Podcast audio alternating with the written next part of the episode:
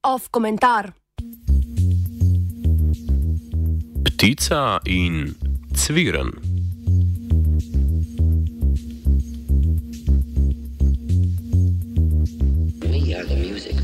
Če spadate med najbolj aktivno in navdušeno srednjo privržencev aktualno-politične redakcije najstarejšega študentskega radia v Evropi, verjetno sledite tudi našemu Twitter profilu.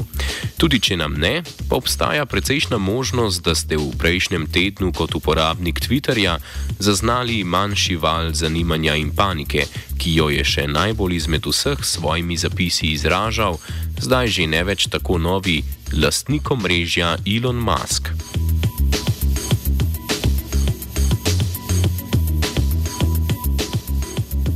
Na zasičeno polje družbenih omrežij je namreč prejšnji teden Facebookovo matično podjetje Meta poslalo svojega po zasnovi precej podobnega neposrednega tekmica Twitterju, imenovanega Threads. Aplikacija deluje kot podprodukt Instagrama. Glede na to, da se je v Twitter preteklih letih precej trdno zacementiral v vlogo srednjega orodja za komunikacijo politikov in širjenja političnega diskurza med državljani, se iz vidika skoraj enake idejne zasnove postavlja vprašanje, kako bo aplikacija Threads konkurirala z njim in ali mu bo lahko tudi oduzela nekaj avtoritete v tej vlogi.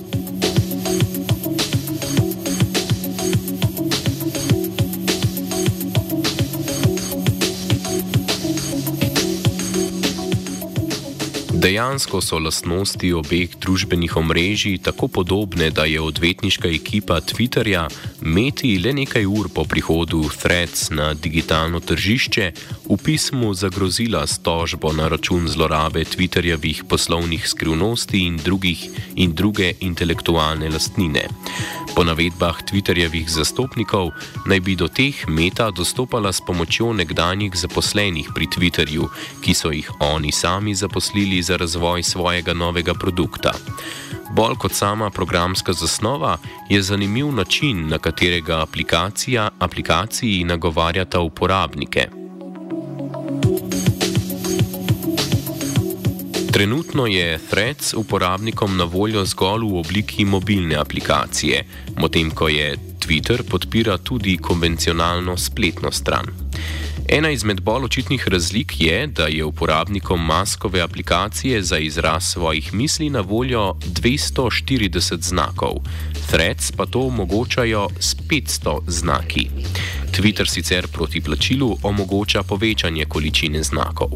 Twitter je dejansko populariziral uporabo hashtagov kot načina iskanja s pomočjo popularnih besed, to pa je pri novincu vsaj za zdaj odsotno. Na Threads je odsotna tudi nad vse uporabna funkcija iskanja s pomočjo upisa ključnih besed, ki na to navrže množico objav, ki te vsebujejo.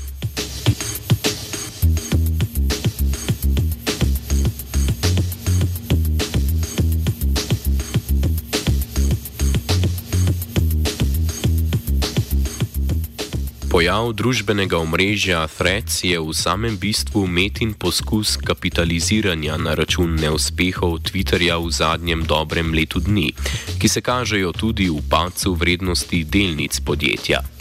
Elon Musk je namreč vajeti platforme, za katero je plačal skoraj 40 milijard evrov, dokončno prevzel v oktobra lani.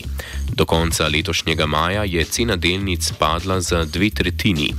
Od takrat se je Twitter kot platforma korenito spremenil.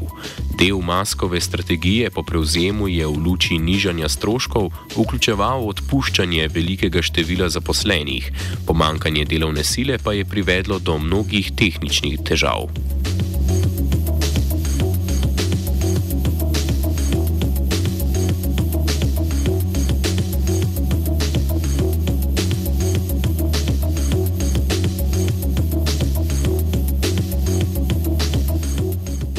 Maskov prevzem je imel tudi politični vidik. Novi lastnik je mnogim suspendiranim ali ukinjenim računom, največkrat iz desnih političnih voda, samovoljno dovolil vrnitev na platformo. Odstranil je tudi stari sistem preverjanja resničnosti identitete uporabnikov in ga nadomestil s sistemom, kjer lahko vsak uporabnik plača preverjanje, kar skozi lečo nepoznavanja, za katerega uporabnika dejansko gre, privede do zamegljevanja informacij. Prav tako se zdi, da se na platformi povečuje število botov, ki naj bi sicer že leta 2017 po poročilu spletne strani CNET obsegali 15 odstotkov vseh uporabnikov. Kapljo čez rob marsikateremu uporabniku pa je verjetno predstavljala nedavna začasna uveljavitev omejitev števila tweetov in odgovorov, ki si jih lahko posameznik ogleda na dan. Zuckerberg se tako zaveda, da lahko del nezadovoljnih uporabnikov z lahkoto preusmeri k svojemu izdelku. Na Threads se je zgolj v petih dneh tako prijavilo že 100 milijonov ljudi, s čimer je družbeno omrežje prevzelo markanten naziv najhitreje raztoče aplikacije v zgodovini. Za primerjavo, Twitter ima skupaj okoli 400 milijonov uporabnikov, od tega okoli 240 milijonov takih, ki so dnevno aktivni.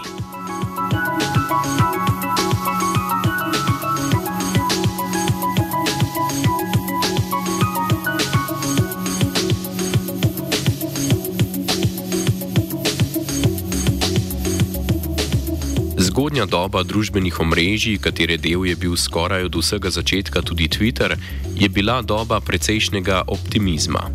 V javnosti je bilo razširjeno mnenje, da bo novi pojav služil kot orodje za povezovanje ljudi in družbene spremembe, ter možnost za odmik od pristranskega poročanja velikih medijskih imperijev, saj naj bi uporabniki družbenih platform iskali lastne, neodvisne vire informacij. Nekaj čez desetletje po začetku oblikovanja sfere družbenih omrežij, kot jih poznamo danes, pa je očitno, in to kot tipičen primer izžareva ravno Twitter, da je ta predstava v veliki meri bila utopična. Diskurs, ki se ustvarja na družbenih omrežjih, je največkrat nasprotje združevanja ljudi, saj ustvarja veliko polarizacijo. Da bi bila ta popolna, se je s časom razvil tudi fenomen informacijskih mehurčkov, kjer je posameznik tudi na podlagi algoritmov združen z isto mislečimi, katerih konstantno potrjevanje njegovih mnen ga tako potiska v enoumje. Ker se takšni mehurčki veliko krat formirajo ravno okoli posameznih politikov in tako zajamejo krog njihovih privržencev, omogočajo tem voditeljem, da v javnost lansirajo zmeraj bolj politično sporne izjave, za katere na to vsaj navidezno znotraj svoje sfere dobijo trdno podporo. To pa še utrjujejo tako imenovani astroturfing računi. Znan primer tega so naprimer srpski javni uslužbenci, ki so jih povezali z lažnivimi Twitter profili, ki so širili propagando predsednika Aleksandra Vučiča.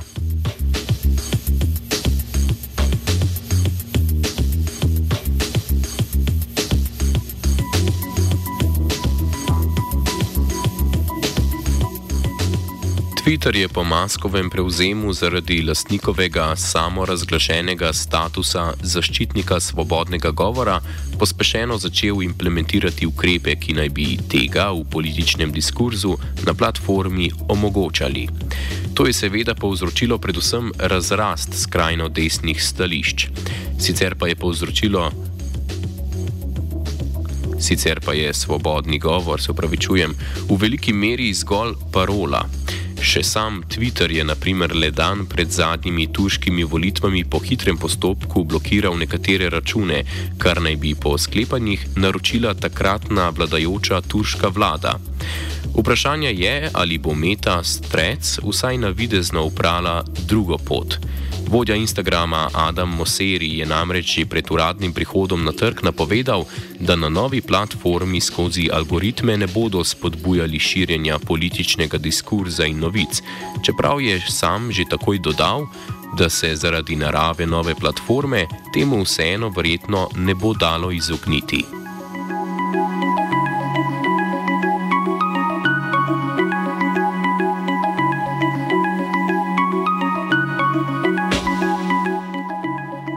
Meta tudi na svojih drugih produktih, kot je Facebook, uporablja politiko moderiranja objav in cenzure, ki je že pred maskovim znižanjem ravni te na Twitterju v primerjavi s tem omrežjem veljala za precej striktno in targetirano.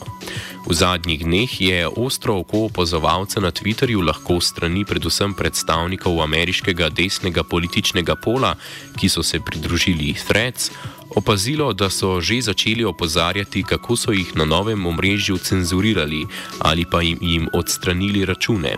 Seveda je te navedbe treba obravnavati s pošteno mero skeptičnosti.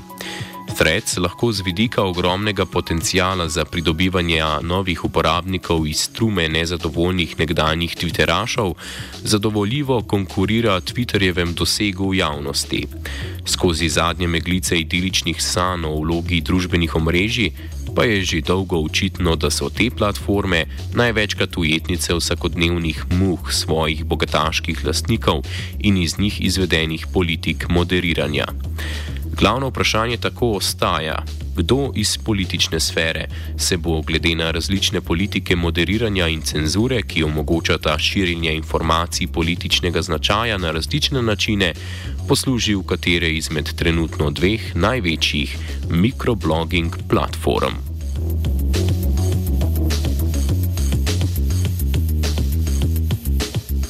Komentiral je Filip.